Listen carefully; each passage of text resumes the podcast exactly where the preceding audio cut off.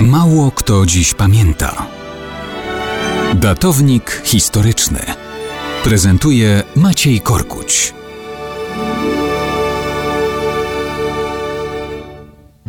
Dzisiaj Dzień Chłopaka. Życzę wszystkiego najlepszego wszystkim chłopcom i chłopakom.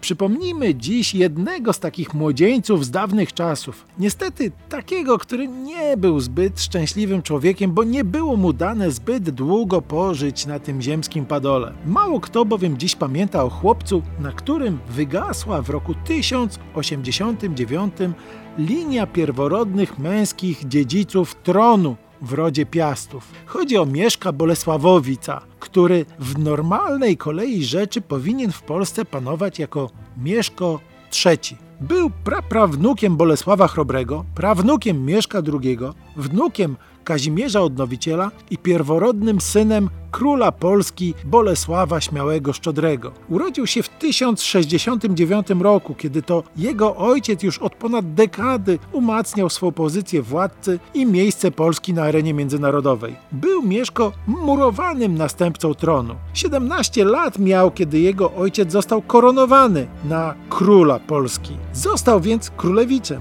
Jednak wszystko zmieniło się już trzy lata później. Król Bolesław skazał biskupa Stanisława na śmierć. To spowodowało bunt przeciw niemu, wskutek którego musiał uciekać z kraju wraz z żoną i owym dziesięcioletnim synem. Uciekł na Węgry. W Polsce tron objął młodszy brat Bolesława, Władysław Herman. Król Bolesław zmarł na obczyźnie. Władysław Herman w 1086 roku zdobył się na gest. Zaprosił bratanka na powrót wraz z matką do kraju. Możliwe, że nawet wydzielił mu jakąś dzielnicę do zarządzania. Dwa lata później Mieszko ożenił się z ruską księżniczką. Wydawało się, że będą żyć długo i szczęśliwie, ale nic z tego. Już w roku 1089 zaledwie 20-letni królewicz Mieszko Bolesławowic nagle umiera. Według Galla Anonima został otruty. Kronikarz opisuje, że płakała po nim cała Polska. Kto stał za śmiercią 20-letniego chłopaka z królewskiego rodu? To jedna z nierozwiązanych kryminalnych zagadek polskiego średniowiecza.